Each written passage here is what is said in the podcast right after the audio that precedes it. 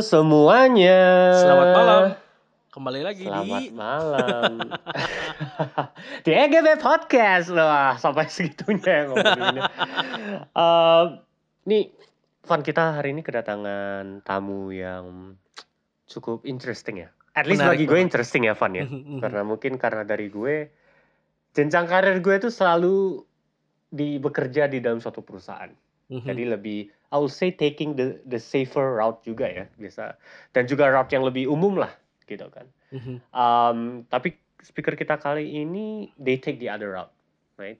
Nanti kita bisa bahas lebih lanjut juga, uh, tapi bisa kita langsung sambut saja guest kita untuk hari ini, Tommy. Halo, Tommy. Tommy.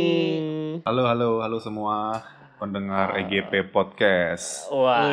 Ervan Gunawan. Malam malam malam. Ini Malam. selamat malam ya kita ya. Ntar yang dengerin Benar. pagi gimana? Uh, Yaudah, Gak apa-apa sih malam, mau malam, pagi, pagi, siang, sore.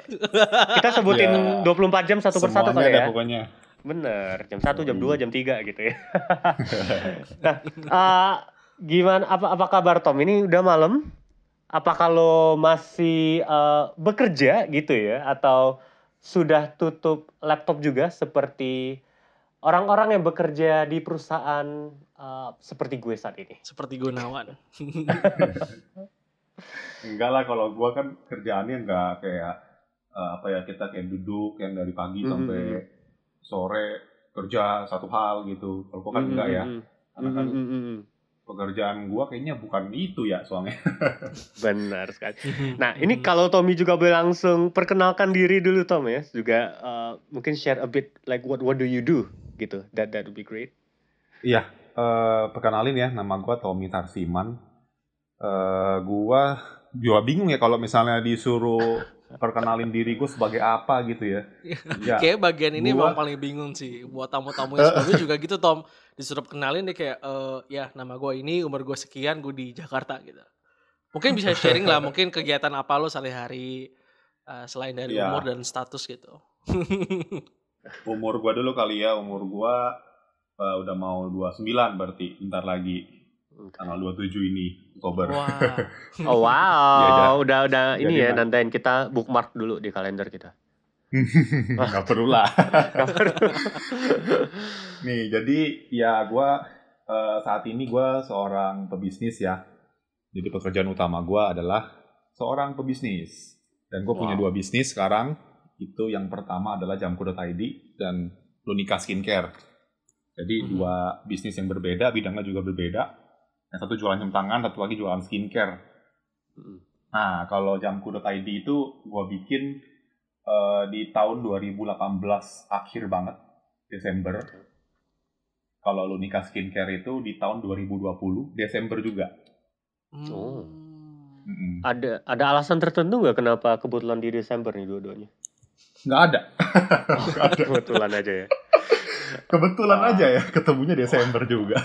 Menarik loh, Wah. menarik loh. Bisa pas gitu Desember Desember loh. Bener, bener. Mungkin tahun depan Iya. eh mungkin eh, tahun depan ya berarti 2018 Desember, 2020 Desember, 2022 Desember ada bisnis baru lagi berarti. Waduh, moga-moga ya amin. Amin. Nah, ini oke deh karena gue sama sekali nggak di bidang ini ya. Ervan masih nyentuh ya Van ya di bidang Sedikit lah, bisnis sedikit. at least gitu ya. Uh, secara background lo sendiri Tom, kan 2018. Berarti sebelum 2018 like what do you do? Uh, awalnya juga berkarir juga atau memang sudah nyomot sana sini coba sana sini untuk uh, berbisnis? I, nggak pernah berkarir. Jadi gua langsung waktu gua lulus kuliah tahun 2014, Oke. itu lulus-lulus dari sana, itu gua langsung nyemplung tuh ke dunia bisnis tuh. Wow. nggak ngerti apa-apa kan jadi nyemplung aja gitu kan. Waktu nyemplung ya alhasil apa? Antara bangkrut ya gitu. Hmm. namanya juga kan kita masih newbie banget ya jadi kan belum Iya. belum ngerti apa-apa. Terus kemudian eh, bidang kuliah gue juga nggak ada hubungannya gitu loh sama pekerjaan gue kan jadi pebisnis gitu. Jadi ya otomatis waktu kita terjun di situlah baru pertama kali istilahnya tuh gue belajar lah gitu. Belajar dari nyemplung dulu. Hmm. Jadi Baik. sebelumnya juga memang gue udah punya bisnis. Hmm. so- eh, tahun 2004 eh sorry tahun 2015 lah karena kan 2014 kan gue baru lulus banget Mhm. terus ya mikir juga mau mau bikin apaan tapi udah mulai mulai bikin bikin konsep segala macam udah mulai tapi kalau mau dibilang bener-bener mulainya mungkin 2015 lah Hmm. 2015 itu mulai Eh, terus ya kan dulu kan gue bisnis startup ya Ervan mungkin tahu tuh Ervan Pernah waktu Nah, itu sekali gue ketemu di gym waktu itu. Iya, iya, kita kan pernah ngobrol ya. Nah, waktu itu kan Pernah. gue kan bisnis Mhm. startup gitu kan. Ya Mhm. basically bikin kayak yang sekarang itu udah ada yaitu Instagram Shopping. Hmm. Oh. Heeh. Jadi basically gue bikin Instagram Shopping. Di zaman itu kan masih belum ada ya. Betul. Instagram ya Instagram doang. Terus kalau Iya. eh, yang buat shopping ya mungkin Tokopedia waktu itu paling paling gede kan. Oke. Mhm. Jadi eh, waktu itu idenya adalah menggabungkan antara dua itu, antara antara Tokopedia dan Instagram gitu loh. Nah, gue bikin satu platform yang baru yang menggabungkan dua konsep itu.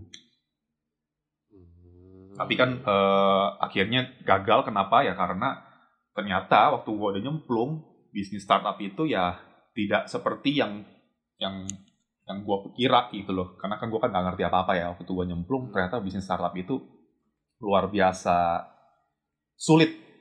Karena Hmm. sangat-sangat membutuhkan ini ya subsidize gitu. Apa apa subsidize gitu. Wah gila. Istilahnya tuh untuk mendapatkan satu buyer Mhm. itu gue mesti rugi. Gue mesti spend. Iya gue mesti spending gitu loh. Gue bukannya malah untung tapi gue harus spending duit gitu loh buat datengin pembeli itu. Lu bayangin aja.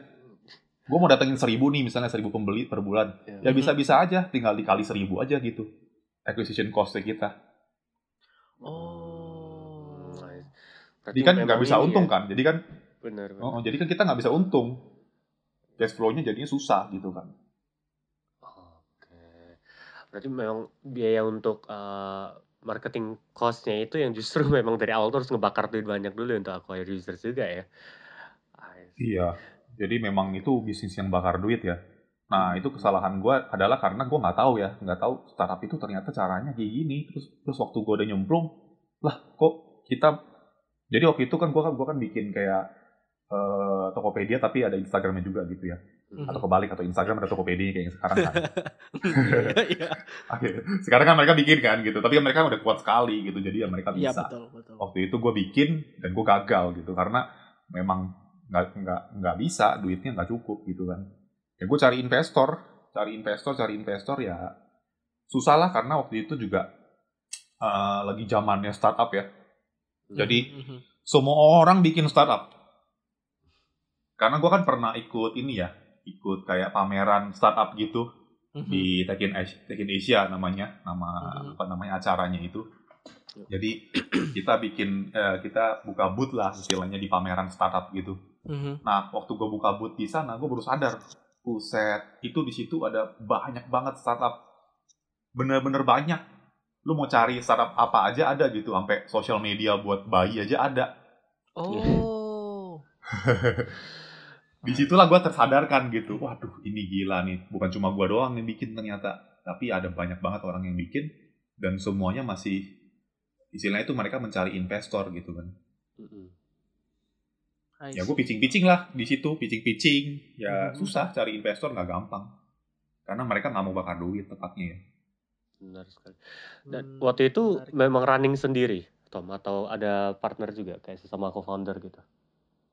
ada sih ada ada co-founder lah ada co-founder gue ada yang dia memang ngerti IT eh, terus ada juga teman baik gue juga eh, ikut joinan gitu kan Mm-mm.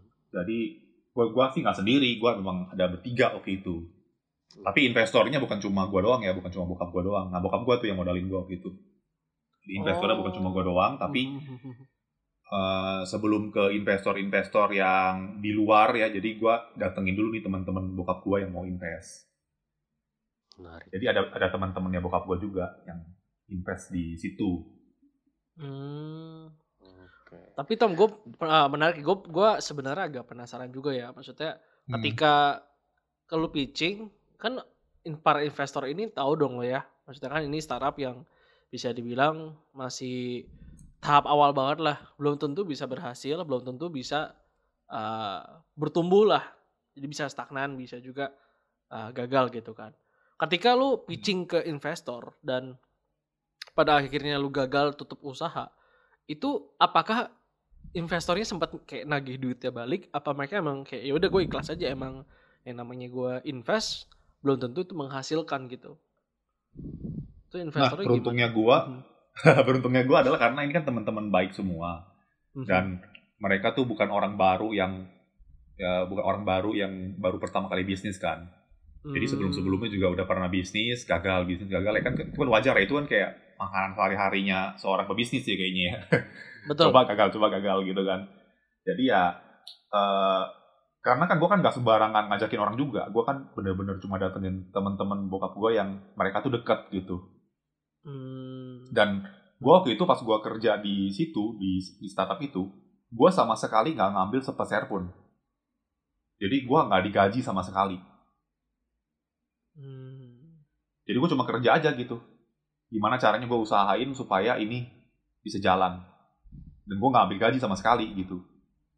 Jadi waktu akhirnya kita tutup ya memang teman-teman baik juga dan mereka juga mengerti kan bukannya gue nggak ngapa-ngapain bukannya gue juga nyuri apa gimana kan enggak ya gue kan berusaha kan mereka juga tahu iya, iya. tapi kan emang nggak bisa gitu kan gue kan jelasin kan ini kan nggak bisa gitu loh kenapa nggak bisanya ya karena bakar duit cari investor yang yang yang mau bakar duit yang nggak ada nggak ada investor yang mau bakar duit cuy iya iyalah siapa mau investor uangnya habis sekarang untuk cuman buat datengin traffic doang kan iya datengin traffic bayar datengin orang beli bayar nggak bisa untung Benar benar benar. Oh, oke. Okay. 2015 ya itu ya tadi ya? 2015? 2015. Um, dulu itu sampai kapan? 2015. Sampai kapan itu? Uh, basically gini ya, perjalanan gue kan waktu itu gue bikin startup itu, nah terus kan hmm. kita sempet sempet uh, pivot pivot juga ya, namanya startup yeah. kan, ya lu tahu sendiri lah, itu kan kita kan nggak ada kayak rumus yang udah pasti langsung bener, jadi kan mm -hmm. otomatis waktu itu gue ngelakuin beberapa pivot lah gitu. Jadi uh, ya karena pivot juga, terus gue juga akhirnya dikenalin sama seseorang ya yang hmm. cukup high profile. Yang kalau kita cari di Wikipedia itu ada lah nama dia gitu dan oh, wow. dia itu bos besar gitu di sini di Indonesia. Produknya dia juga di supermarket tuh udah pasti pernah beli dan mungkin juga sampai sekarang juga mungkin kita masih suka beli produknya dia yang ada di supermarket lah pokoknya produk hmm. consumer produk itu. Hmm. Nah ini yang punya. Gue dikenalin sama salah satu investor gue saat itu. Jadi gue pitching sama si bos besar itu. Nah itu tahun 2017 kok nggak salah. Jadi gue hmm. gua sempet datengin si bos itu sekali, gue pitching sama dia. Hmm. Terus gue ditolak mentah-mentah. Oh. Ya, gue gua gua datang ke rumah dia, gue pitching, terus dia nggak mau ditolak gitu kan ya udahlah gue pulang gitu kan habis itu uh, eh, gue nggak menyerah gitu kan gue pivot dulu habis gue pivot gue datengin lagi dia jadi gue dua kali gue datengin dia nah kedatangan gue yang kedua ini uh, eh, gue berhasil istilahnya tuh jadi orang terdekatnya dia hmm? Iya, jadi gue presentasi terus dia uh, istilahnya uh, kita jadi dekat lah gitu sama si bos itu. Oke. Okay. Nah jadi sempat itu itu tahun 2017 akhir ya tahun 2017 akhir jadi pas tahun 2018 gua itu istilahnya tuh kayak gua kerja sama si bos itu. Hmm. Oh. Tapi ini maksudnya jadi, masih ngeran bis, uh, bisnis idea lo tadi? Um, iya, gue masih run itu dan si bos itu join sama gue. Akhirnya dia jadi okay. salah satu investornya di situ. Yeah. Pemegang saham juga kan. Yeah. Terus uh, ya gue 2018 itu gue dedikasikan waktu gue buat dia. Jadi dia ini udah tua kan, jadi dia pengen bikin ide-ide yang aneh-aneh begitu. Mm-hmm. Nah dia pengennya anak muda yang ngejalanin gitu kan. Nah, jadi basically ya gue harus istilahnya menjalankan apa yang dia inginkan gitu loh. Nah waktu itu kita bikin perusahaan, ada beberapa lah kita buat perusahaan dalam waktu berapa lama doang. Mhm. Kita bikin perusahaan forex kalau tahu, Mhm. forex berjangka gitu, perusahaan pialang, pialang berjangka. Jadi bikin itu, terus kita juga bikin travel juga, terus bikin apa lagi ya gue sampai lupa tuh. Ada, ada banyak banget. Pokoknya tahun 2018 itu buat gue sih stressful banget lah. Mhm. Tapi sekaligus gue belajar, gue belajar dari si bos itu. Nah cuman ternyata di si si orang ini nih, dia kan orang high profile ya. Kita kan langsung percaya sama dia ya. Mhm. Nah tapi pada ujungnya gue tuh ditipu sama dia. Eh, tunggu tunggu tunggu tunggu. Tunggu, Ah. gue nggak gue nggak nyangka jalur apa arah ceritanya jadi ke sini nih. Gimana nih Iya gue ini? nggak nyangka. Gue juga nggak nyangka dong. Iya. Secara gitu loh dia seorang bos besar yang dia punya sat- yang dia punya banyak banget produk yang kita konsumsi setiap hari gitu kan.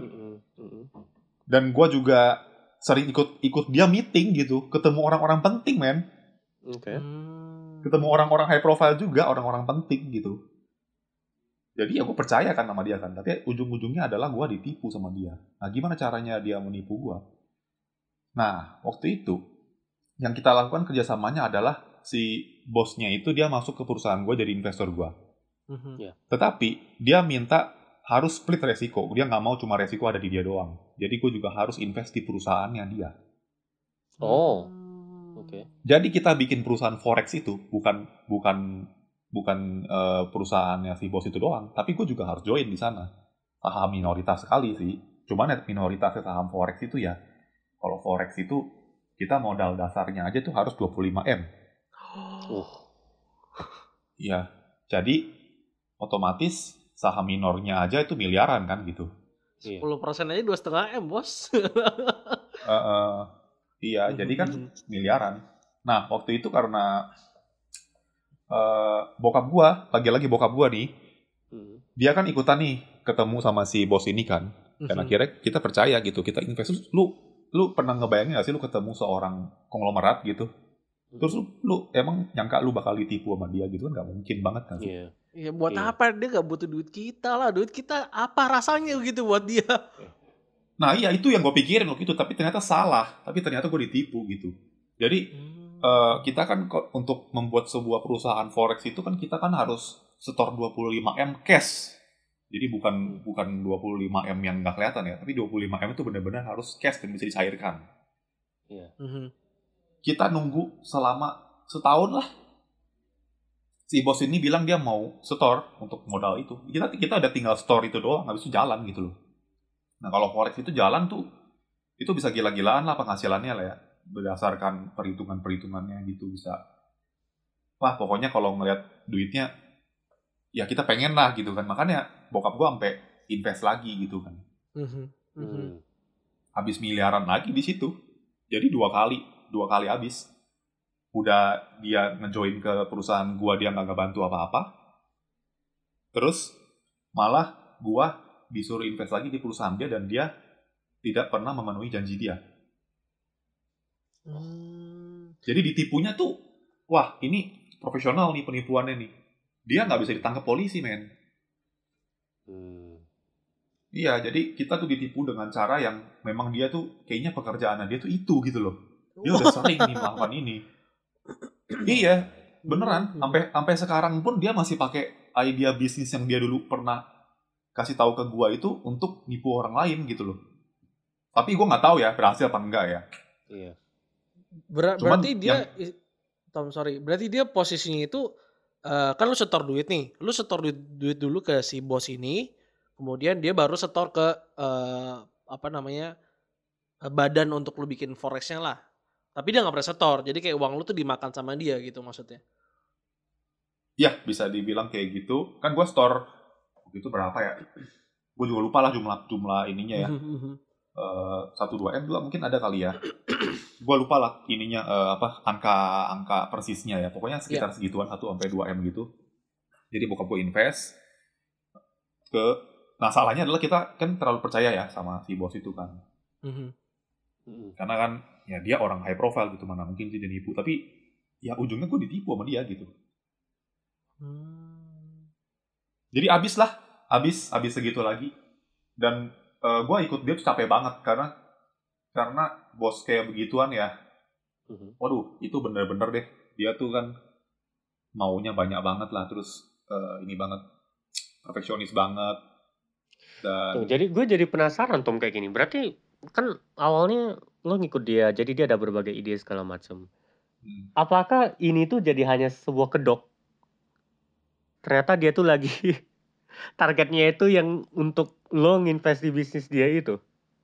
iya bisa iya iya iya dong bener dong kayak gitu kan tapi ya tapi ini ya Oke.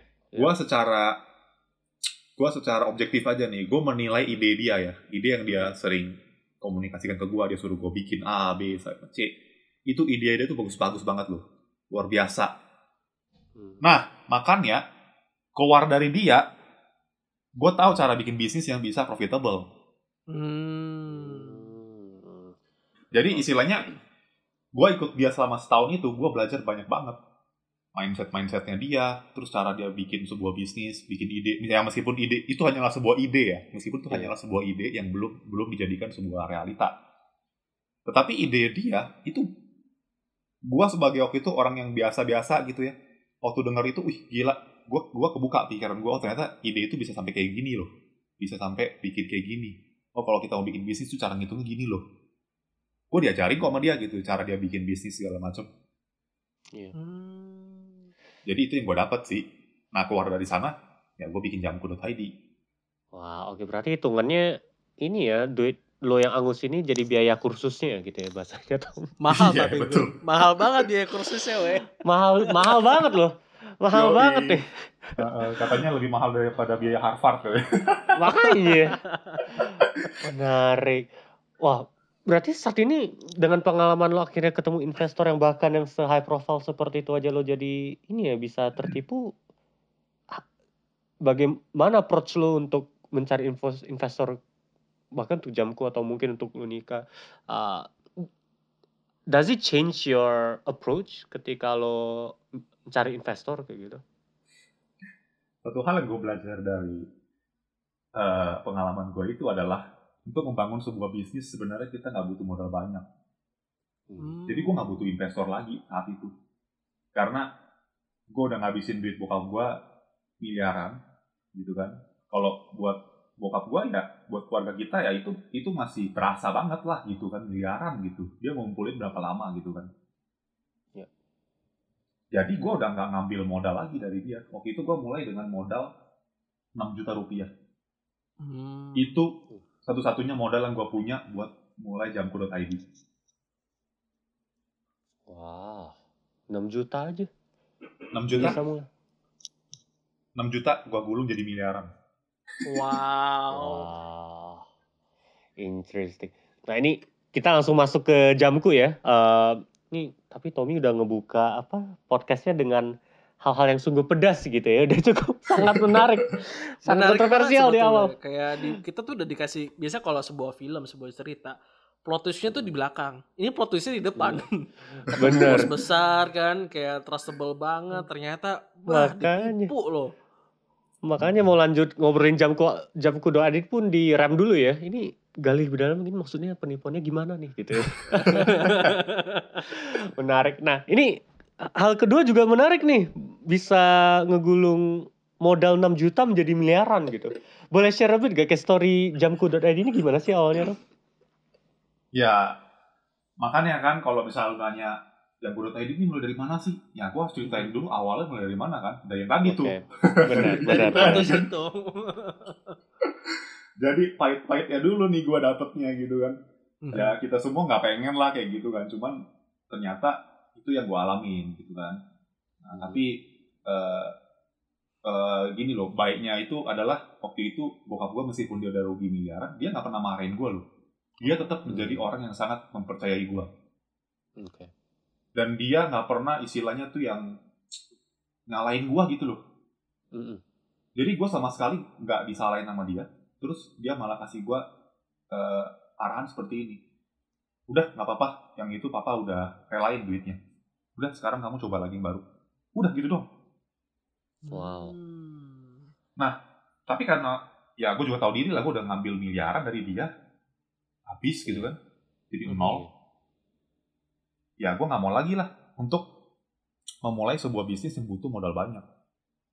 Mhm. Nah bokap gue itu kan dia udah punya bisnis jam tangan ya Mhm. dari dari dulu dari dulu dulu banget lah dia udah bisnis jam tangan tuh udah belasan tahun. Nah gue berpikir tapi bokap gue tuh bisnisnya dia tuh masih konvensional dia tuh masih mainnya tuh B2B. Oh, Hmm. oke.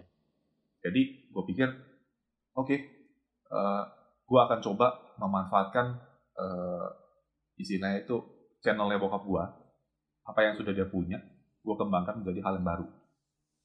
Hmm. Nah saat itu kan mereka dia belum punya eh, yang online ya, sehingga gue create lah Jambu.id.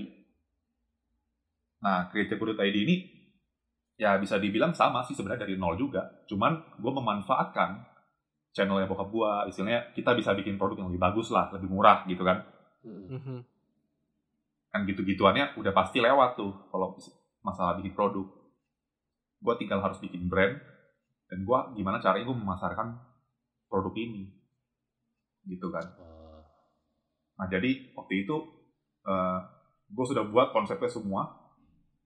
Gue sudah tahu lah gue mau ngapain dari awal sampai akhir gitu kan. Mhm.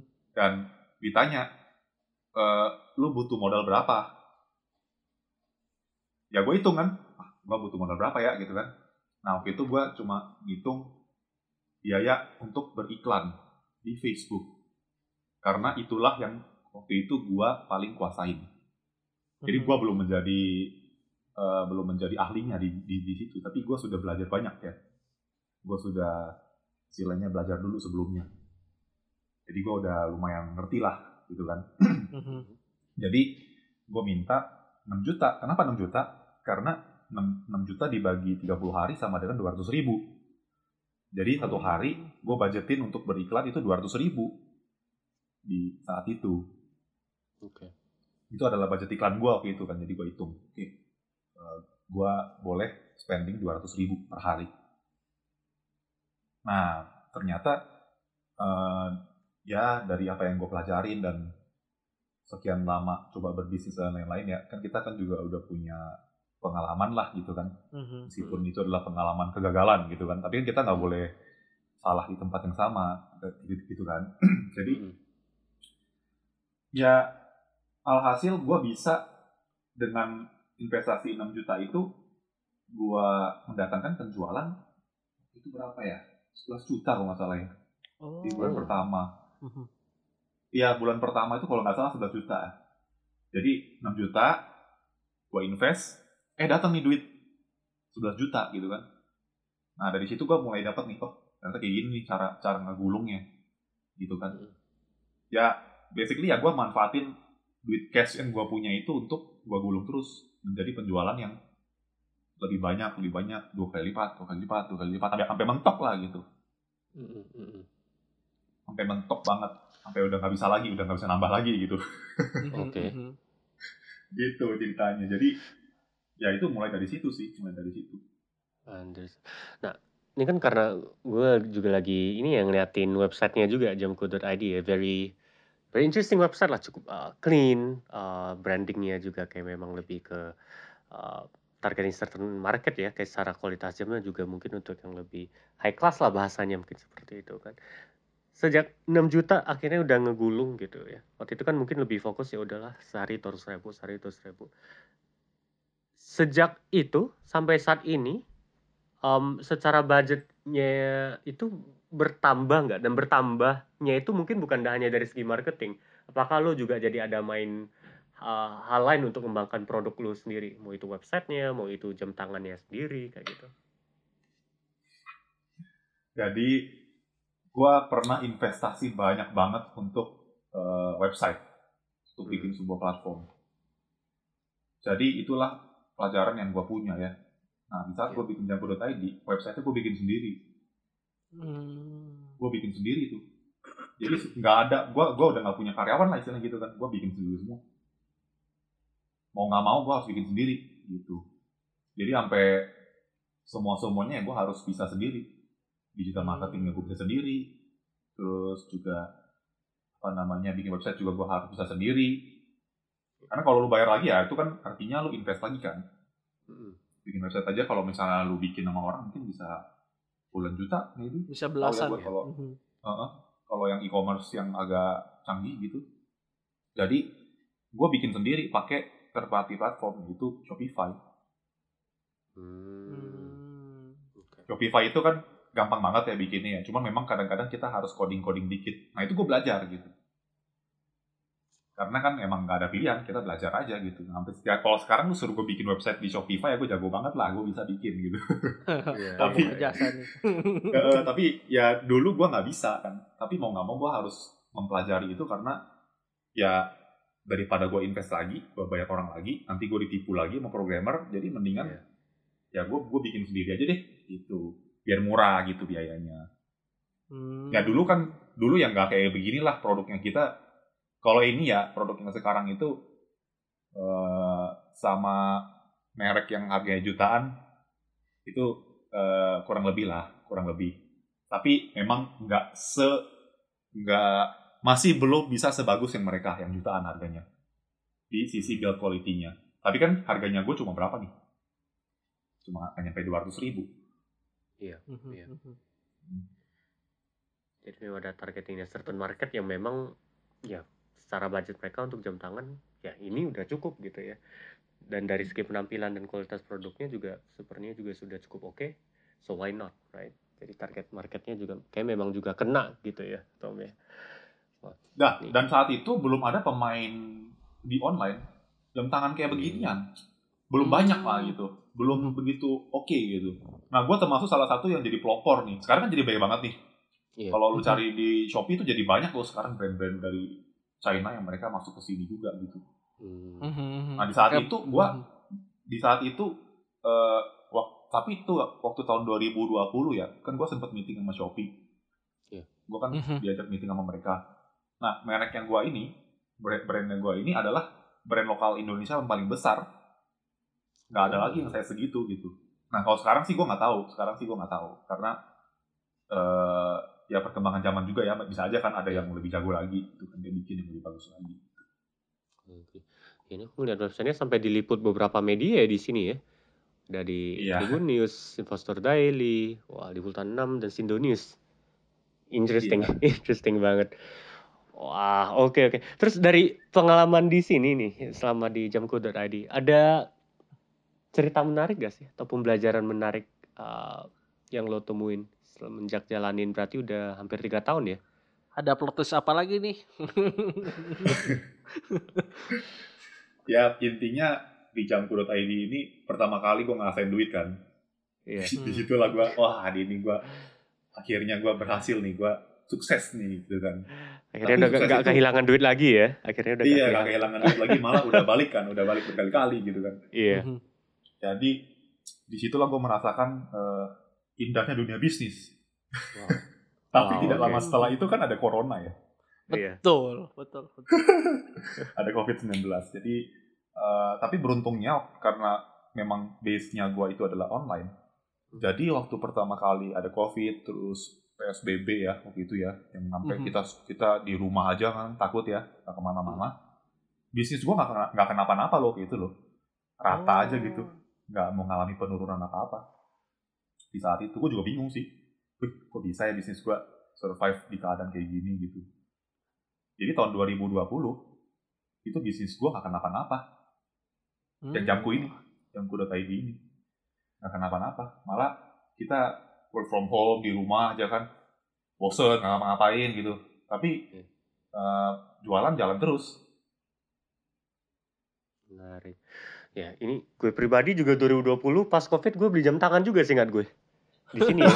gue juga kayak pas itu nggak tahu kenapa gue nonton YouTube video kali ya aja ngeliatin jam tangan jadi ngikutin jam tangan kayak wah ya udahlah coba beli satu gitu ya. Mungkin itu juga membantu ya orang yang nggak tahu ngapain di rumah. Ya Oke, bisa yaudah. jadi sih. Tapi memang try di tahun 2020 kebetulan gue masih bekerja di logistik kan waktu itu. Iya. Dan eh, karena gue logistik yang bergandengan erat dengan e-commerce, gue berasa banget penjualan e-commerce itu naik luar biasa. Karena kan dampaknya di pengiriman jadi makin melonjak ya. Mungkin karena orang di rumah nggak ngapa-ngapain selama ini pengen beli jam, nggak punya waktu buat browsing. Akhirnya, ah gue di rumah nih WFH, gue bisa sambil cek-cek belanja ini itu ini itu kali gitu ya. makanya bisa stabil lah kasarnya gitu Ya, tapi kan eh itu mau dibilang stabil kalau menurut gue sih itu sudah ada penurunan penurunan dari segi konsumsi secara Hmm. makronya ya. Mhm, Karena kan waktu itu kan offline kan tutup total tuh ya. betul. Tutup total semua nggak ada offline sama sekali kan. Sampai kita mau makan mau makan apa namanya beli di restoran aja kan kita nggak mau ya kita takut tuh gitu kan. betul Jadi otomatis kan sebenarnya tuh perputaran uang secara secara ininya ya makronya kan pasti kan berkurang karena di bisnis gua rata nih. Yang seharusnya naik dong. Hmm. Karena kan eh, yang harusnya orang bisa spend di mall, spend di restoran, di bioskop dan lain-lain itu semua semua nggak ada kan. Itu kan betul disimpan betul duitnya. betul betul betul Mereka kan punya duit gitu loh. Tapi kenapa Mhm. bisnis gua nggak naik? Bisnis gua rata gitu. Nah, gua di situ gua tahu kok, wah ini ekonomi lagi lagi sangat-sangat berbahaya gitu karena dengan adanya perubahan seperti ini aja kita nggak mengalami kenaikan gitu kita nggak mengalami kenaikan tapi malah kita rata kita biasa aja gitu nah ini kan satu eh, instingnya gue berkata kalau ini adalah satu hal yang harus gue waspadai hmm. karena ekonominya ini lagi tumbang nih gitu gue nggak tahu sampai kapan bisnis gue ini bisa bertahan Mhm, mhm. Hmm. jadinya eh eh, waktu work from home ya kita kan banyak waktu. Nah gue berusaha untuk cari income dari tempat lain sebagai eh, cadangannya gue jadi meskipun bisnis gue sekarang nggak apa-apa gitu kan cuan-cuan aja gitu kan. Hmm. tapi di saat itu gue nggak tinggal diam gue nggak posisi nyaman gue nggak nyantai-nyantai aja gitu nggak. Gue malah berpikir untuk gimana caranya gue datangin income dari tempat yang lain yang nggak ada hubungannya sama bisnis gue yang sudah ada itu Hmm. Nah, waktu eh, apa namanya waktu kita work from home banyak waktu, terus gue juga eh, punya peralatan-peralatan kamera-kamera segala macam gitu ya, lensa-lensa banyak gitu kan, karena kan kita kan di Jambu kan kita pakai itu ya. Mhm. Tapi kalau pas lagi nggak pakai kan nggak kepake gitu kan. betul Jadi ya gue pakai aja untuk gue bikin YouTube waktu itu. Oh. Hmm, gue sempat bikin YouTube kok. Bikin YouTube sama istri gue. Mhm, kita berdua kita kita kita buat lah gitu. Pengen coba kan gitu kan. Ah, coba deh bikin, bikin YouTube gitu. Ya bikin YouTube eh, sampai bisa monetize terus sampai eh, punya penghasilan di- dari situ. Ya ternyata YouTube tuh susah ya waktu itu. Kalau buat gue ya waktu itu susah Hmm. dapat penghasilan yang gue harapkan gitu. Paling Hmm. juga ya memang masih lebih gede. Kalau misalnya lu invest obligasi 100 juta gitu ya Mhm. beli apa obligasi apa gitu penghasilan per bulannya masih memang masih lebih gede YouTube gua waktu itu oh Tapi mhm. itu kan kecil gitu loh kalau Mhm. untuk ya masa istilahnya satu bulan dapat satu setengah juta dua juta gitu dari video-video yang sudah ada itu kan nggak cukup ya untuk Hmm. untuk kita survive gitu kan itu kan cuma jadi kayak ya ada tambahan ada tambahan mau jajan lah iya jadi kan jadi kan eh, nah habis itu eh, kebetulan istri gua kan dia dokter ya Hmm. Terus eh, tahun 2020 tuh rencananya eh, mau bikin klinik kecantikan atau mau kerja di klinik kecantikan. Nah, sehingga tahun 2019 akhir itu dia ambil sertifikasi dari Amerika Hmm. yang untuk anti aging, yang untuk eh, apa namanya anti aging lah gitu. Iya. Kulit perkulit kulitan gitu kan. Kalau lu pengen tua ya lu cari dia gitu. Mhm. Iya. Oh, waktu itu bayarnya juga lumayan mahal, tapi kan itu kan sebuah investasi ya. Betul. kita itu kan sebuah investasi jadi eh, tetap ambil ya sudah ambil eh malah 2020 bukannya berhasil untuk eh, apa mencapai mimpi itu malah ada covid gitu kan Iya. Nah, takut jadinya kan juga kalau kita eh, kerja di gitu kan takut juga kan gitu betul Jadi nggak orang kasih dia kan. kerja. Mhm.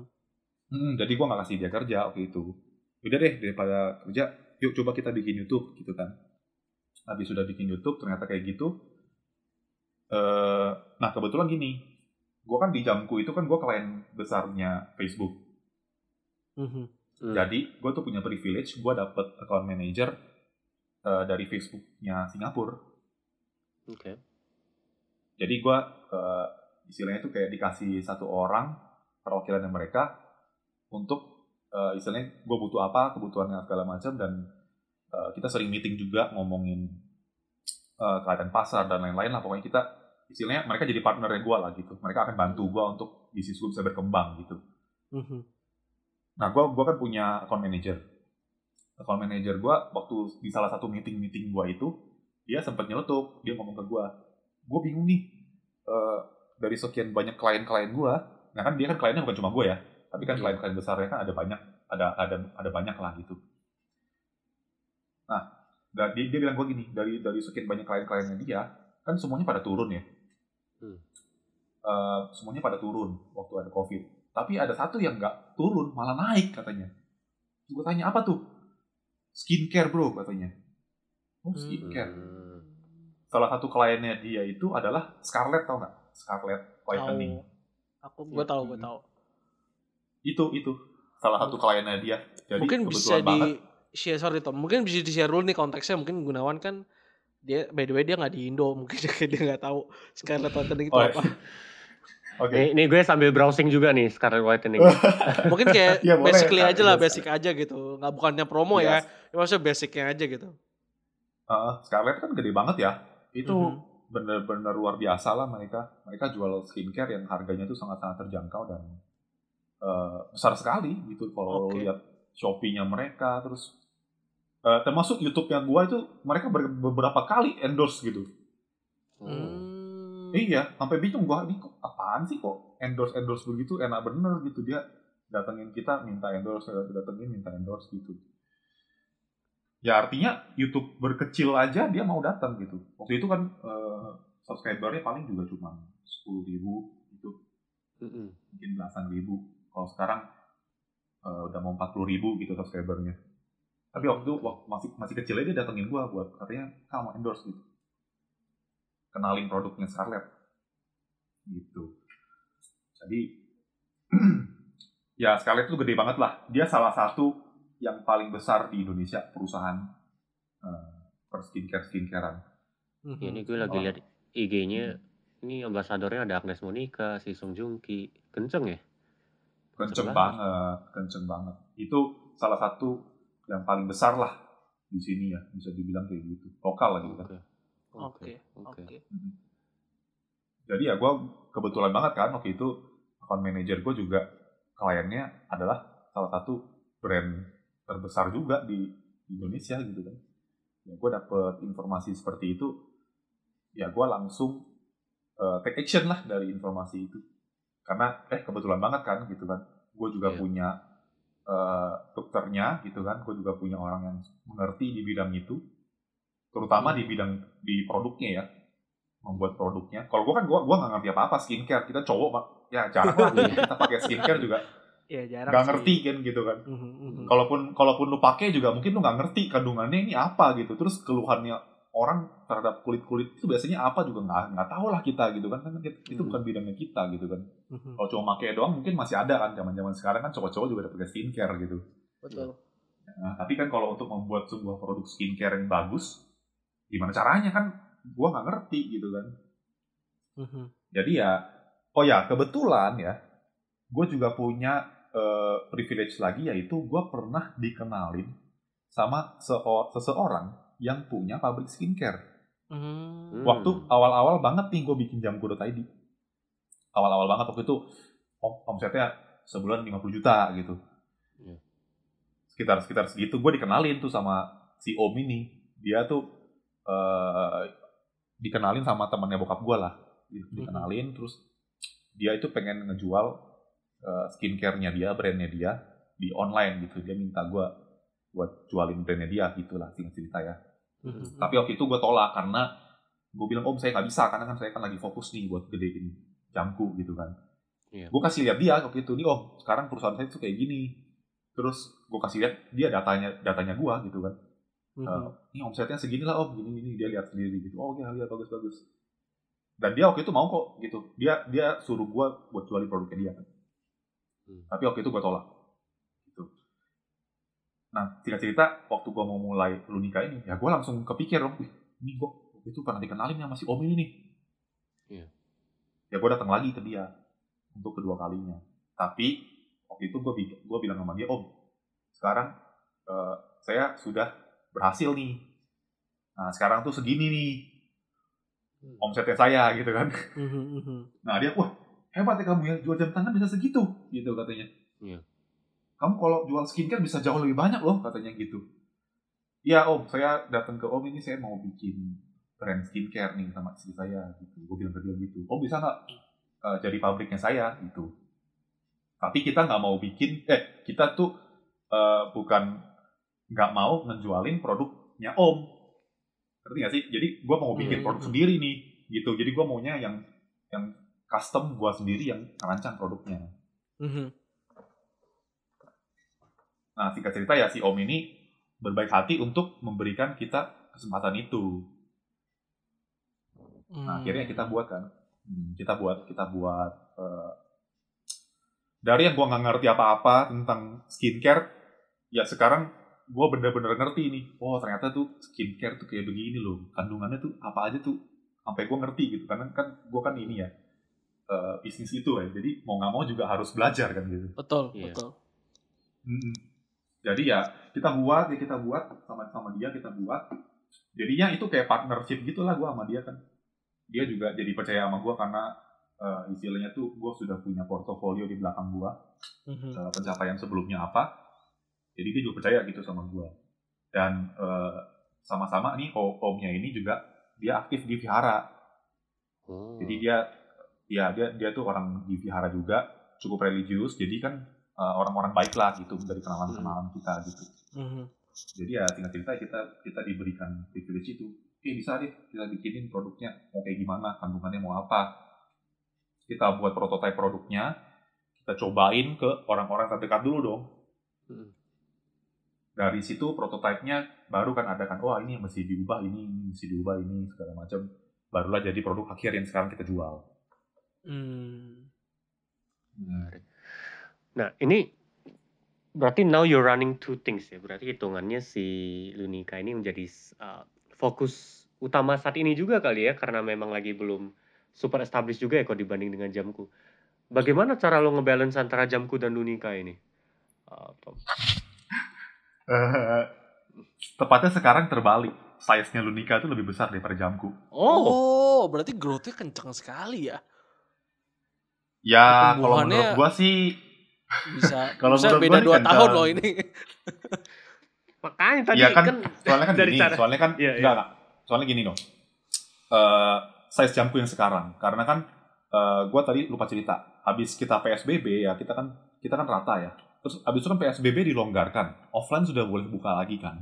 Benar. nah itu bisnis gue tuh turun 30% oh. Semenjak dilonggarkan semenjak offline itu dibuka lagi gitu nah terus uh, eh, gue bikin uh, Lunika itu di saat bisnis gue tuh sudah turun 30% di saat itu. Hmm. Udah ada handicapnya berarti udah dicupuin lah ini tiga.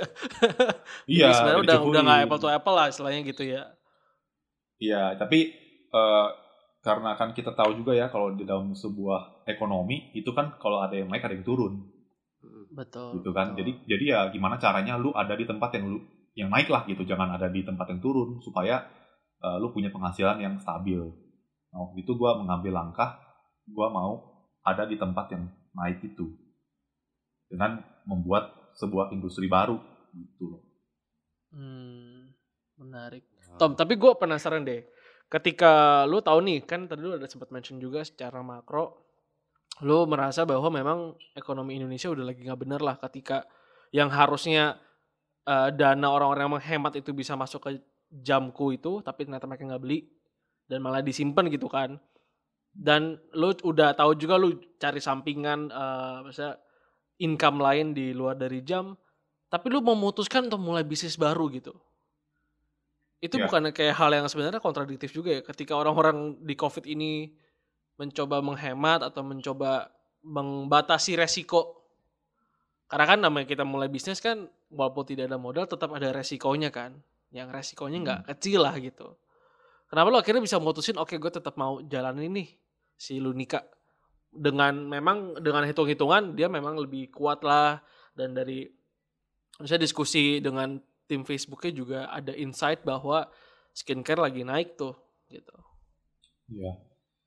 Ya karena gue merasa gue cukup ahli di bidang itu. Di bidang Oh. apa? Di bidang marketing, digital marketing.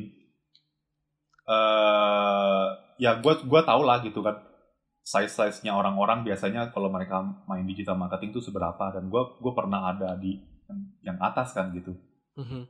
Jadi ya otomatis ya gue tahu caranya kok mulai dari nol itu seperti apa gitu loh. Rancangan produknya itu sudah gue rancang juga dari awal.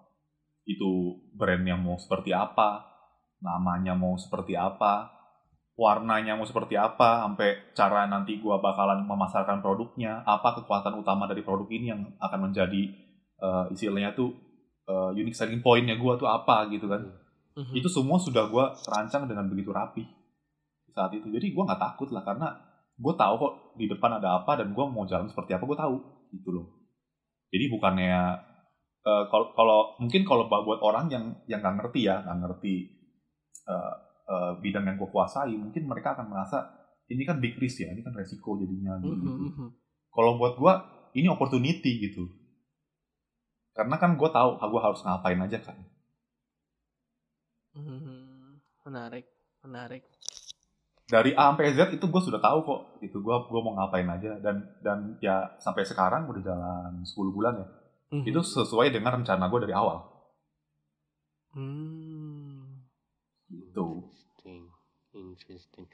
Nah, selama lo ngejalanin bisnis ini yang dari pas di Jamku dan Dunika ini, lo dapat advice atau ngeconsult ke siapa gitu nggak sih? Atau memang running sendiri aja semuanya? running sendiri tepatnya ya Oh wow. Iya berdasarkan eh, berdasarkan apa yang kita pelajari berdasarkan pengalaman juga jadi ya gue eh, sudah cukup matang lah istilahnya untuk membuat sebuah bisnis baru dan akhirnya berhasil gitu Understood. Understood. Menarik. Dan saat ini what's what's next for Jamku dan Dunika ini? What's next ya? Kalau jamku tentunya ya tetap berkembang ya kan. Kalau jamku tuh kan kita kan challenge-nya beda sama Lunika ya. Kalau Iya. jamku itu eh, karena kita sudah cukup lama juga, terus eh, logistik ya karena COVID juga. Karena kita kan jam tangannya kan tuh kita kan eh, bikinnya kan assembled in China kan. Jadi kan kita harus impor kemari gitu kan. Iya. Eh, nah itu juga bermasalah kan karena lagi zaman-zaman kayak sekarang gini. Padahal gue tahu nih kalau perusahaan fashion ini itu benar-benar kita tuh desain dari dari jam tangannya itu yang utama gitu. Orang tuh beli karena desainnya. Mhm. Sisanya ya karena misalnya build quality-nya bagus, ada garansinya, terus mesinnya bagus.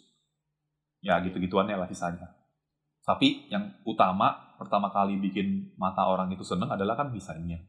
Nah itu kita kan agak bermasalah di sana ya. Jadi untuk saat ini kalau kalau jamku ya kita harus bisa survive, harus bisa menjalankan masa-masa ini dengan yang dengan yang terbaik lah istilahnya gitu.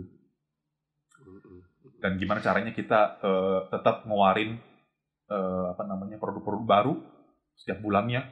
Nah itu challenge-nya di sana kan. Ya Betul. intinya kita survive dulu lah kalau kalau jamku tuh kayak gitulah. Dan tapi untungnya sih sampai sekarang gua gua belum gua belum istilahnya kan ada kan bisnis yang rugi terus Mhm. sampai apa nggak bisa gaji karyawan. Nah gua nggak gua nggak ada di situ gitu. Gua masih bisa untung dari Iya, jamku iya. ini. Cuman ya eh, ya kita tetap harus bisa beradaptasi kan gitu. Nah kalau lu nikah kan kita lagi growth terus ya. Mhm. Mhm. What's next-nya gue adalah gue ingin Lunika itu bisa dikenal sama banyak orang, sebaik-baiknya orang. Dan kita bisa menyelesaikan permasalahan uh, kulitnya mereka semua gitu. Hmm, mhm. Jadi kan kalau skincare itu uh, lebih kepada permasalahan kulit. Misalnya lu jerawatan, lu pengen sembuh, lu pengen kulit lu glowing. Atau kulit lu kusam, pengennya glowing. Atau nah biasanya juga uh, ada flek, apa namanya tuh, dark spot gitu loh. Mhm. flek-flek kalau kalau misalnya kita udah umur 20-an ke atas gitu eh, kadang-kadang tuh ada yang suka kena matahari kan mu- mukanya kan. Nah, itu suka kayak ada bintik-bintik hitam gitu, dark spot gitu. Nah, itu gimana caranya kita nyelesain masalah-masalah itu. Nah, kalau lu nikah ini kita bener-bener fokus di mana? Masalah apa sih yang kita selesaiin gitu kan? Masalahnya adalah dark spot. Jadi karena Indonesia ini adalah iklim tropis, mataharinya kuat gitu kan. Nah jadi banyak sekali orang-orang di Indonesia itu yang mereka tuh punya permasalahan dark spot ini, flek. Nah kebetulan produknya kita yang Lunika itu bener-bener bagus banget buat itu. Padahal tuh Hmm. Untuk menyelesaikan masalah dark spot itu, itu susahnya setengah mati. Mm-mm. Susah setengah mati gitu. Bahkan lu udah ke klinik aja itu masih susah juga. Udah di laser, udah di macam-macam perawatan juga masih, masih tetap susah. Nah tapi eh, kita punya kandungan yang membeda kan di situ kan. Nah itu tadi yang tadi gue bilang, oh kita sudah ada pembeda dari awal. Memang produknya memang gue buat berbeda, tetapi beda, tetapi memang beneran bagus gitu. Nih gue dengar cerita lo nih gue cukup uh, amazed ya. Kenapa? Karena kayak dua-duanya dua-dua bisnis yang lo run ini masing-masing ada expertise-nya. Kayak dari jamku berarti memang dari uh, dari bokap juga sudah sempat running di bidang ini dan mungkin lo juga memang cukup ada interest juga ya sama ada passion juga dengan jam tangan mungkin. Tidak. Oh, sama sekali tidak ada. Kayaknya cuma dagangnya gua- aja berarti. Wah. Gue cuma mau duitnya doang. Wah. Tapi wah, wah, Itulah wah, yang harus kita bisa lakukan ya sebagai seorang pengusaha. Lu produk apa juga, lu suka nggak suka. Kalau misalnya kita itu bisa jualan ya, produk yang nggak suka pun lu bisa jual kok gitu. Wah. Dan memang kita harus menjadi, eh, harus bisa berpikir sebagai orang yang menyukai produk tersebut. Betul nggak? Baru Betul, dong lu bisa bikin produk yang bagus. Nah, gue bisa kok. Kalau gue lagi bikin sesuatu nih, gue akan menjadi customer gue. Jadi gue akan pakai sendiri produknya. Gue akan akan jadi seakan-akan tuh kayak watch lover gitu kan. Gue akan Iya. akan cari-cari jam tangan. Gue sukanya yang kayak gimana segala macam. Ya gue bikin apa yang gue suka.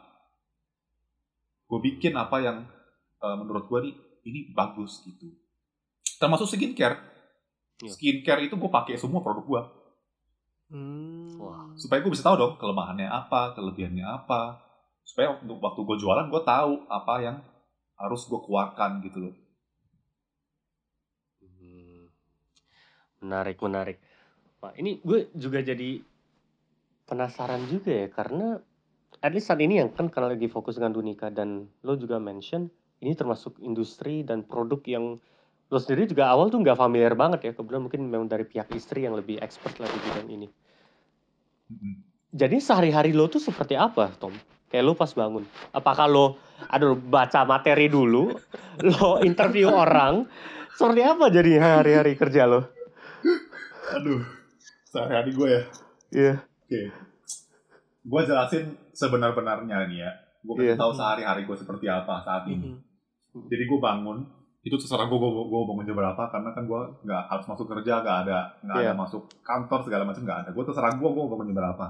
Tapi rata-rata ya gue bangun mungkin jam, eh, kalau sekarang-sekarang ini gue lebih sering bangun jam sekitar jam 8, jam 7. Oke.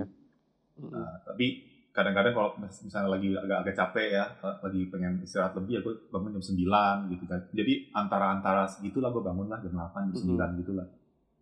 Eh, dan nggak nggak ada keharusan gue harus bangun jam berapa gitu kan. Ya gue bangun, kerjaan gue adalah gue sarapan dulu ya kan kayak, kayak, Iya. kayak seperti biasa cuci muka gitu kan, mandi, sikat gigi dan segala macam ya biasa lah gitu kan gue sarapan dulu, gue bikin kopi ya. Gue selalu bikin kopi kalau gue eh, bangun tuh gue bikin kopi dulu, gue gue minum Hmm. kopi. Sambil saat gue minum kopi itu sambil gue buka laptop atau gue buka komputer. Nah di saat itu gue akan melihat semua data-data yang ada, penjualan, eh, traffic, eh, traffic website, terus kemudian traffic di Shopee, dan kemudian performa iklan one by one satu persatunya seperti apa yang bagus ada berapa dan yang dan kurang bagus ada berapa dan mereka kontennya apa aja. Itu istilahnya itu gue eh, cuma buka-buka aja cuma kayak browsing-browsing aja. Sama lah kayak kayak mungkin lu kalau buka Instagram lagi Mm-mm. nge-scroll nge-scroll gitu kan lagi ngeliat-liat explore gitu. Nah tapi explore-nya gue ini adalah di bisnis gue nih jadi gue lihat Uh, omset per hari ini sudah berapa, terus penjualan hari ini di Shopee real time-nya sudah berapa, apakah ada kenaikan, apakah ada penurunan, terus kalau misalnya lagi turun, gue akan segera lihat, ini iklan gue nih, apa aja sih yang mesti gue lihat gitu. Ya, istilahnya itu gue menjadi pengamat di situ, menjadi seorang analis. Sambil gue minum kopi dan mungkin gue sarapan gitu. habis gue melakukan itu, uh, gue akan selalu mendapatkan sebuah idea, insight gue mau ngapain. Mm.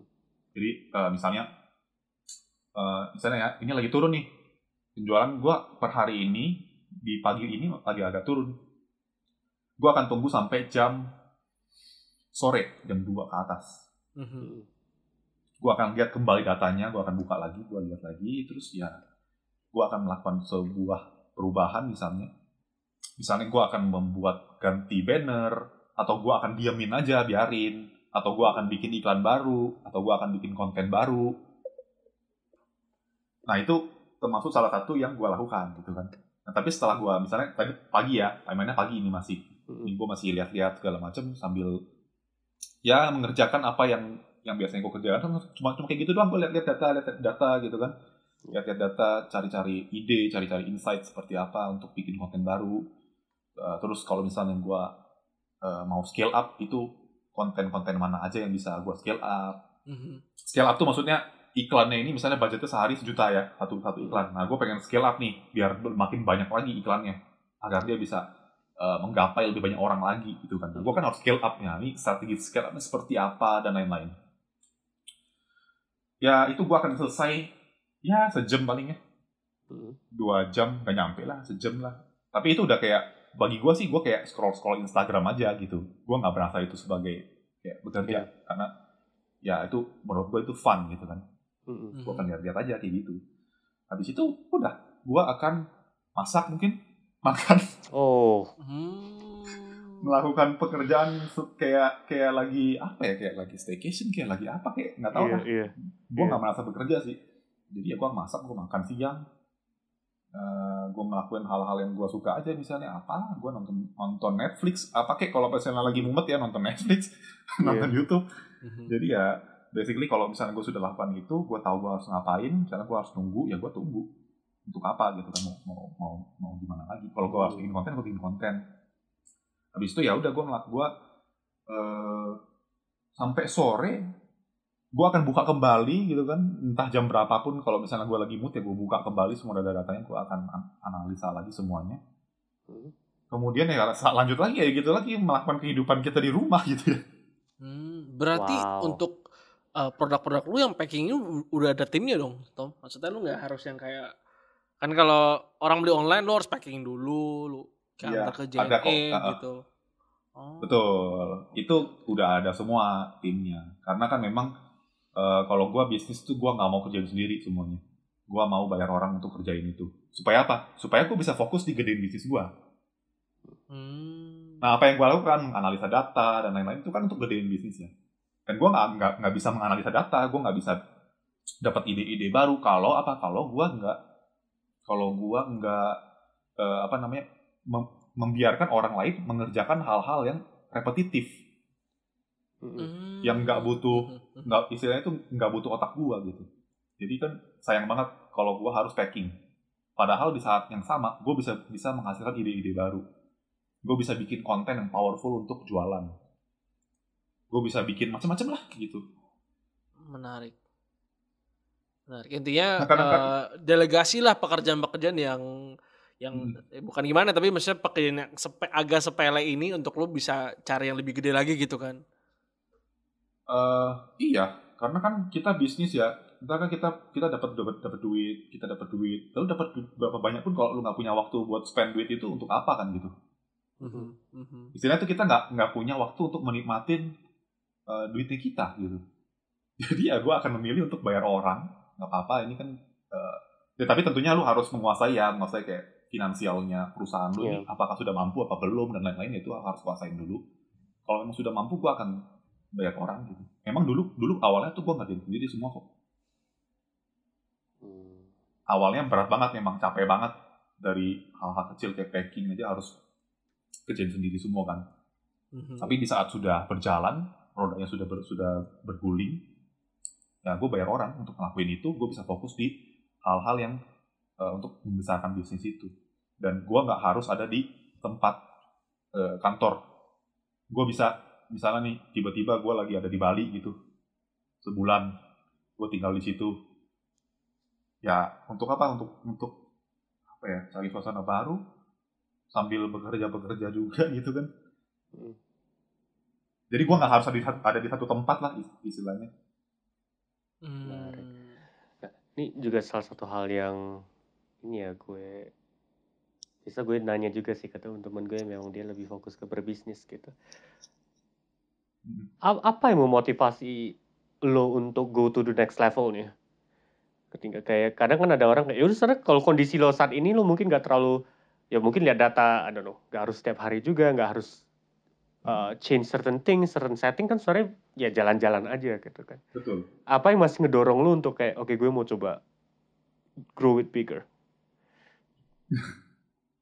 money bro Lebih ke money ya, pure ke money ya. cuan Ah. cuan ya kan Cuan. Ah, ya itu mindsetnya seorang pebisnis ya harus bisa dapat cuan sebanyak-banyaknya gitu tapi maksudnya gini ya maksudnya bukannya eh, gua itu sebagai manusia nggak pernah puas gitu ya pengen lebih terus pengen lebih terus gitu gua juga menyadari lah itu kan eh, salah satu sifat yang sebenarnya itu tidak boleh gitu kan nah tetapi di, di dalam se- eh, membangun sebuah bisnis ya apalagi zaman online kayak begini nih orang mau buat bisnis tuh gampang gitu tinggal bikin yang bikin skincare aja tuh banyak banget gitu ada ribuan gitu loh banyak banget deh brandnya gila banget sampai siapa artis juga pada bikin skincare kan Iya. Hmm. sampai teman-teman juga mungkin teman-temanan lu mungkin juga ada gitu orang-orang Indonesia yang mereka punya modal mereka bisa bikin juga bikin skincare jadi kalau misalnya lu berhenti buat growth lu itu bisa lengser gitu loh Hmm. Ah.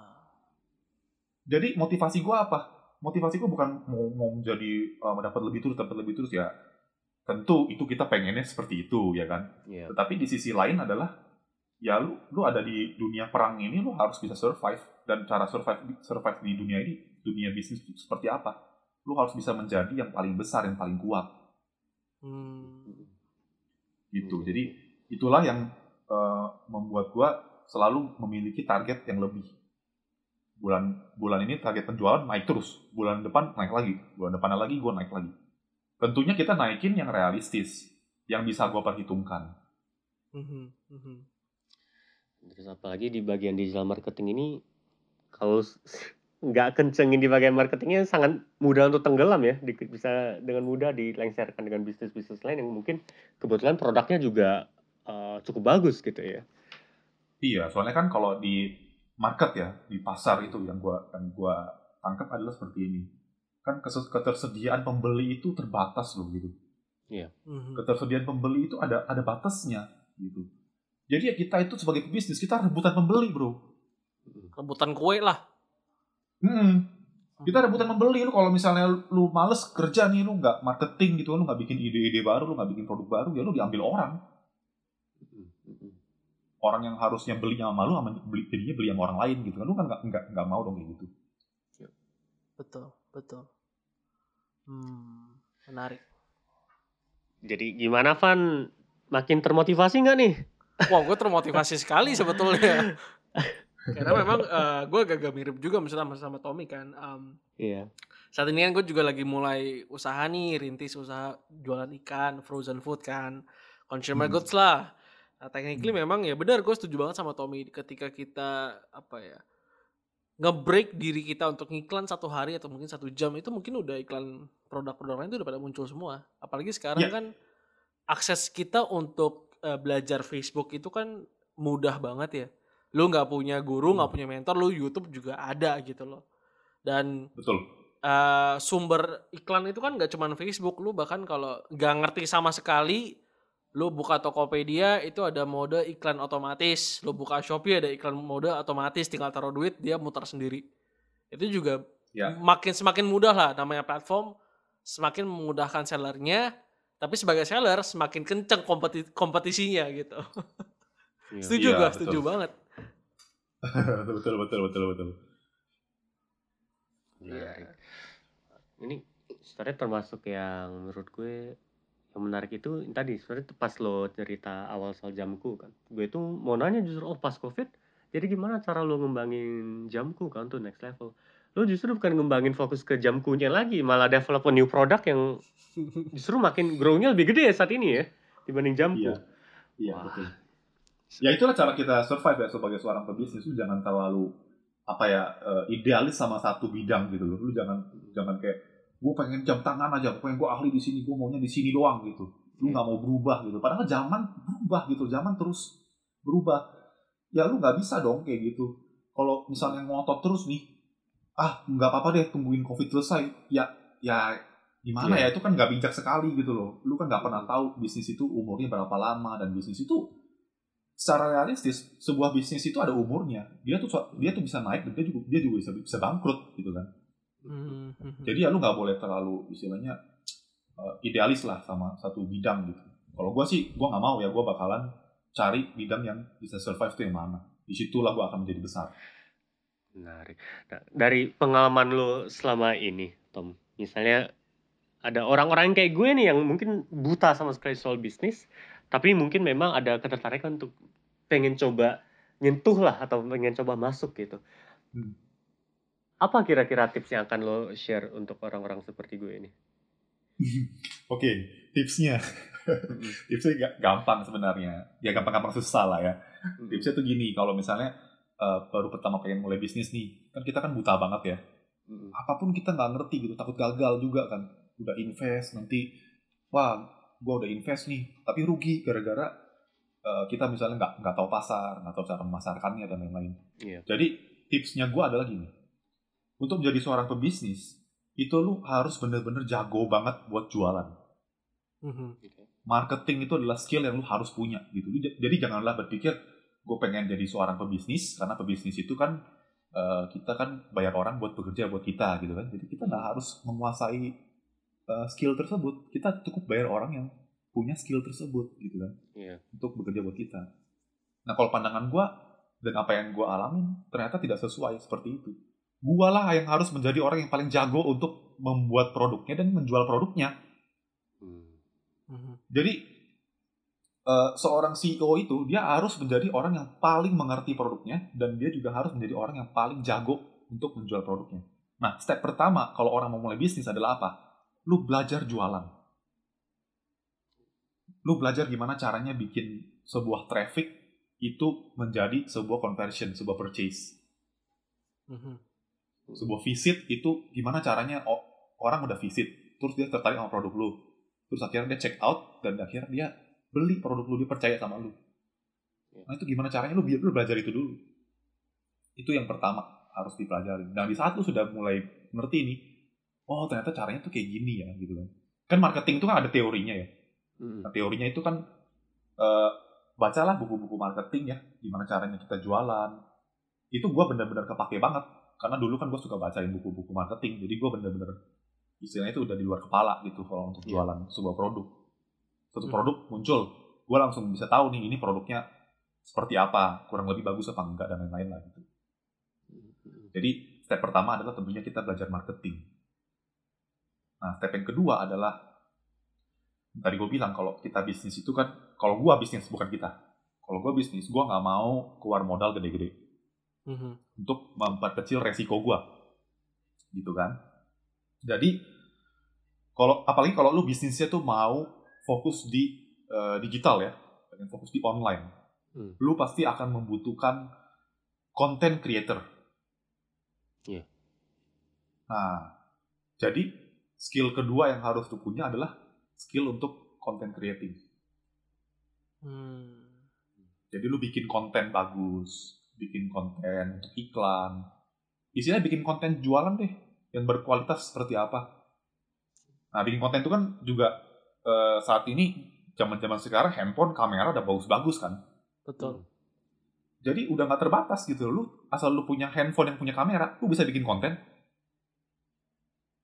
Nah, gimana aja caranya nih bikin konten yang bagus? Nah, bikin konten yang bisa menjual itu sebenarnya juga ada teorinya. Ada caranya lagi gitu loh. Nah, itu belajar juga kan gitu. Hmm. Misalnya ya, misalnya ini ya, gua gua kasih tahu ya. Misalnya gini. Kalau misalnya lu, lu lu bikin satu video ya, satu video promosi.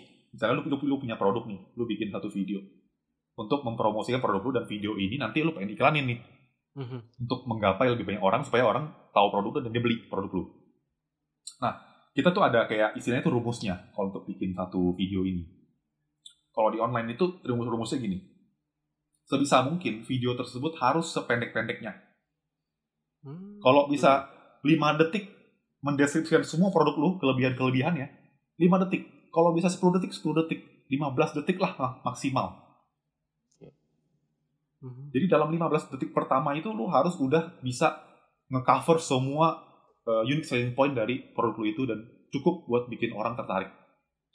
Tetapi di 3 detik pertama itulah yang menentukan orang itu akan lanjut nonton apa enggak. Mhm. Nah, jadi gimana caranya kita bikin nih sebuah pengemasan video yang 3 detik pertama itu langsung bikin orang pengen nonton sampai akhir. Hmm. Dan setelah dia nonton sampai akhir, akhirnya tanda, kutip ya dia keracunan, dia beli produk lu. Iya. Nah, itu kan itu kan skill lagi ya, satu skill lagi. Mhm. Jadi content creator lagi. Nah, content creator tuh soalnya gini loh, Bro. Yang gue temuin ya, kenapa sampai sekarang content creator eh, content creator perusahaan gue itu gua juga gitu. Mhm. Kalau Jamku sekarang eh Jamku dari dulu sih bukan gua. Jamku tuh bukan gua, Jamku tuh adik gua si Hari. Oke. Dia tuh hobi foto. Nah, dia hobi foto. Jadi dia eh, bikin-bikin konten segala macem. Nah, gua kan mengarahkan ya. Oke, Har, bikin konten seperti ini ya, gini gini gini gini. Dia dia buat lah gitu. Nah, kalau lu nikah itu gua yang buat. Oke. Jadi gue belajar kan, gue kan bikin YouTube ya gitu kan. Ya gue belajar tuh gimana caranya pakai kamera segala macem, gimana caranya ngedit video, gue belajar kan. Nah dari situ gue jadi bisa bikin video sendiri, gue bisa foto sendiri gitu. Mhm. Dari bikin konsep eh, kontennya seperti apa, sampai syutingnya, sampai ngeditnya, sampai sampai di postnya itu juga gue sendiri yang ngelakuin semua sampai sekarang. Kenapa? Kenapa gue masih melakukan itu? Kenapa gue nggak bayar orang aja gitu kan? Tadi kan gue bilang gue mau bayar orang. Hmm. Hmm. Karena gue sudah mencoba gitu loh untuk bayar orang, tetapi lagi-lagi apa? Eh, misalnya gue bayar agensi ya, Iya. kan content creator agency kan banyak gitu kan. Ya. Bagus-bagus lagi mereka bikin videonya, bikin fotonya Keren-keren lah. Mhm. Mm-mm. profesional gitu kan. Tapi mereka tidak bisa menjual produk gue bro. Hmm. Mereka nggak sebaik gue gitu. Mereka tidak sepintar gue untuk menjual produk gue sendiri.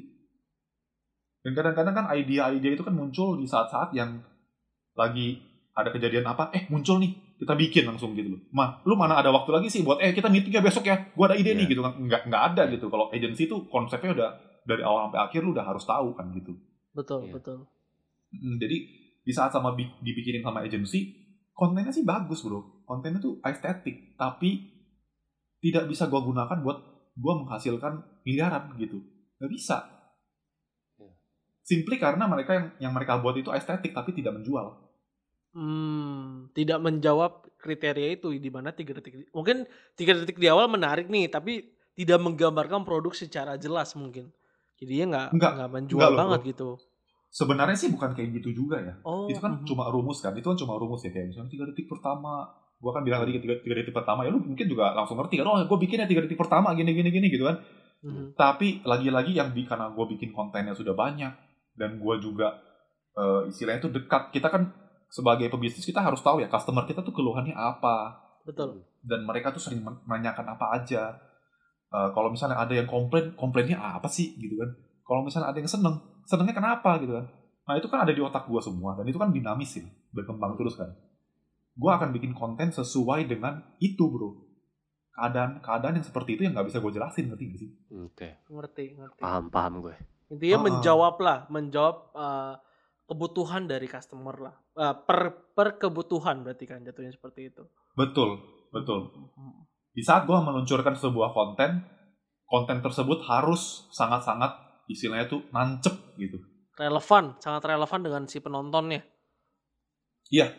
Makanya kalau misalnya lu lihat akunnya gue, akunnya lu nikah, Mhm. Hmm. itu kita ngepost jarang-jarang. Tapi sekali ngepost engagementnya banyak kan. Mhm, mhm. Gitu. Engagement banyak. Itu bukan engagement palsu, itu semua engagement yang beneran, asli. Nah, ini dari gue satu hal yang dari dulu tuh kalau orang selalu bilang, oh ingin coba berbisnis, uh, mulainya itu yang paling gue bingung adalah bagaimana cara lo ngedesain produk apa yang mau lo fokusin untuk jadi uh, sumber bisnis lo itu.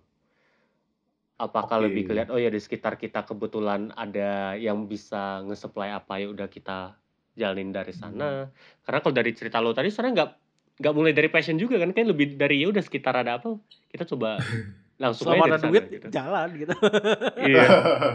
cuan dong, yang penting cuan gitu Iya, kan. benar. Iya, iya, ya. Kalau misalnya kita mulai eh, bisnis ya, Hmm.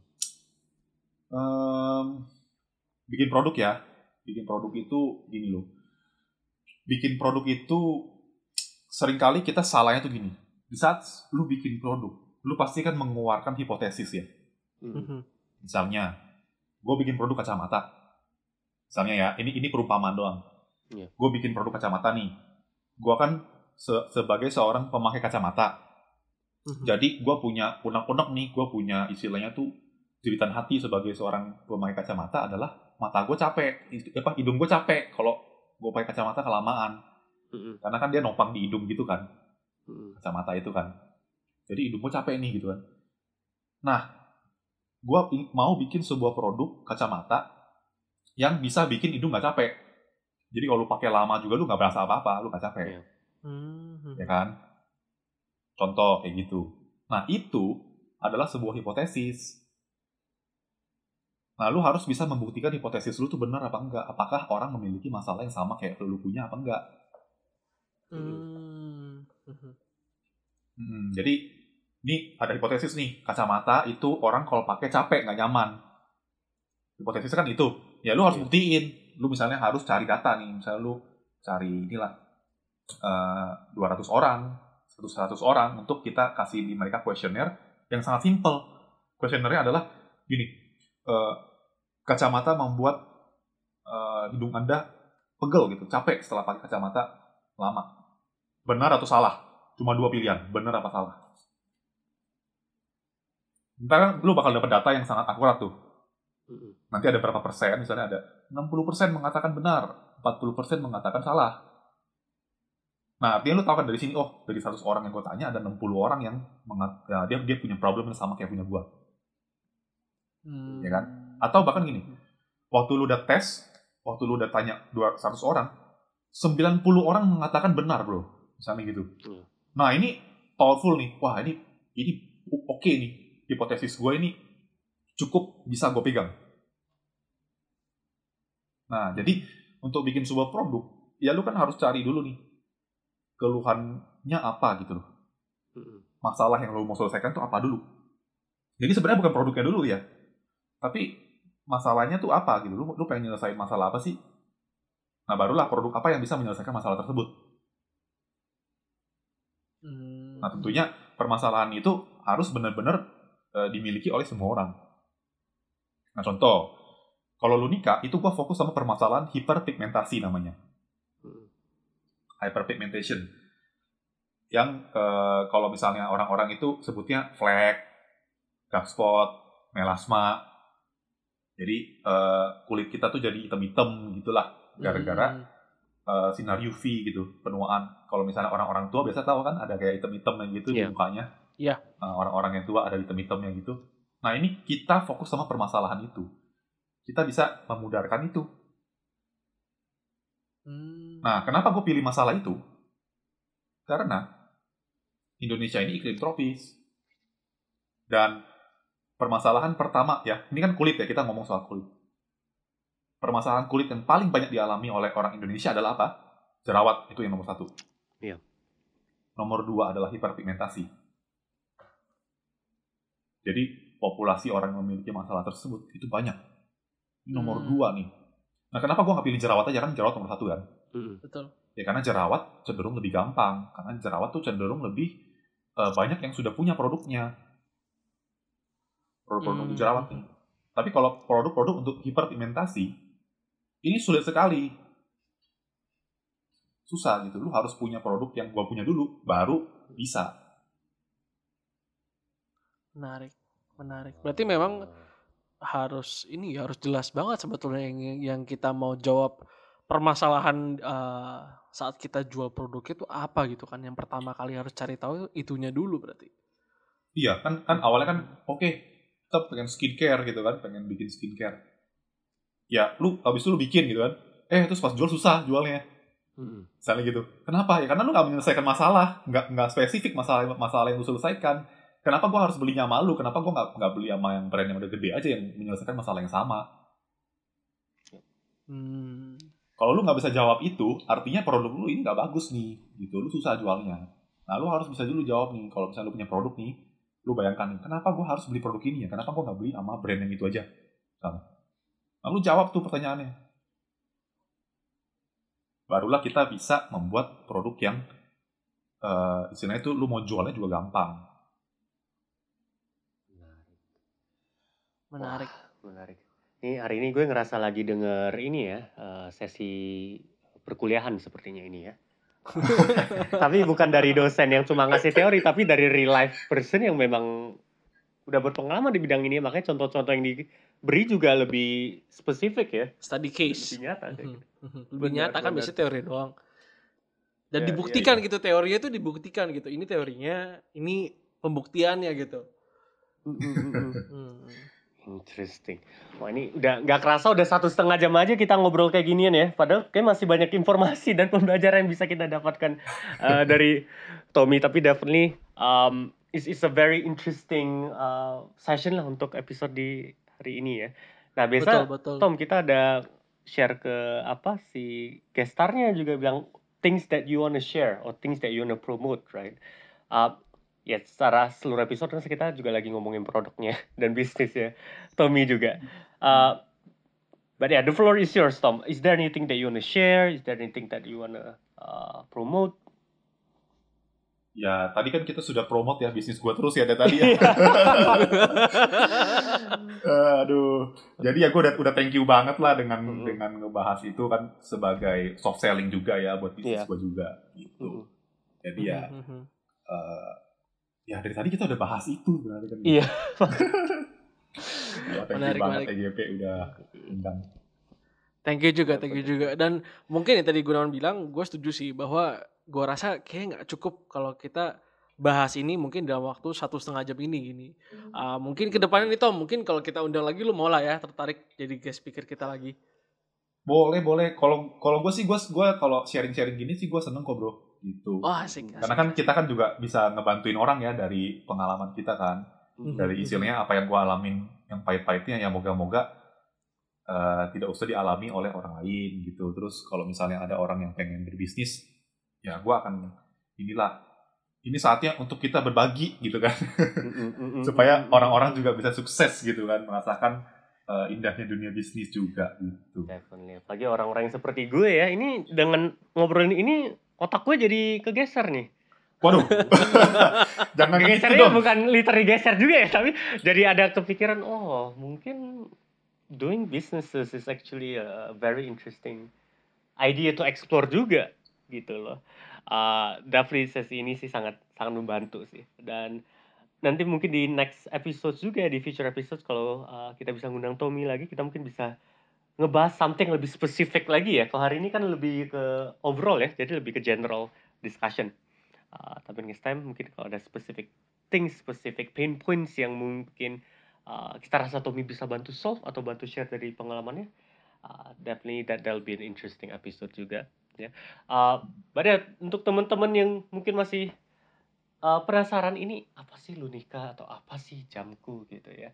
Uh, ini bisa dicek juga di IG-nya di uh, Lunika ID dan di jamku.id. Nanti di uh, postingan kita kita akan masukin juga akun IG dan uh, websitenya juga. Jadi teman-teman bisa langsung kunjungi dan lihat hasil eksperimen bisnis dari Tommy secara langsung. Kayak gitu ya. Uh, so yeah, I think that's it for today's episode. Again, thank you banget Tommy udah, udah luangin waktu untuk bisa sharing-sharing di sini. thank you Ah. banget udah diundang Thank you juga, thank you juga. Thank you banget ya. And we'll jadi banyak see- orang uh, yang jadi ada lagi dah orang baru yang tahu bisnis gua gitu kan jadi gue thank you betul. dong jadi gue thank you Definitely. Uh, ini kita thank you ya karena kita juga sekalian belajar ya, Van ya. betul, betul. Definitely. Uh, but yeah, we will see everyone in the next episode then. See you. Bye bye. Bye bye, thank you.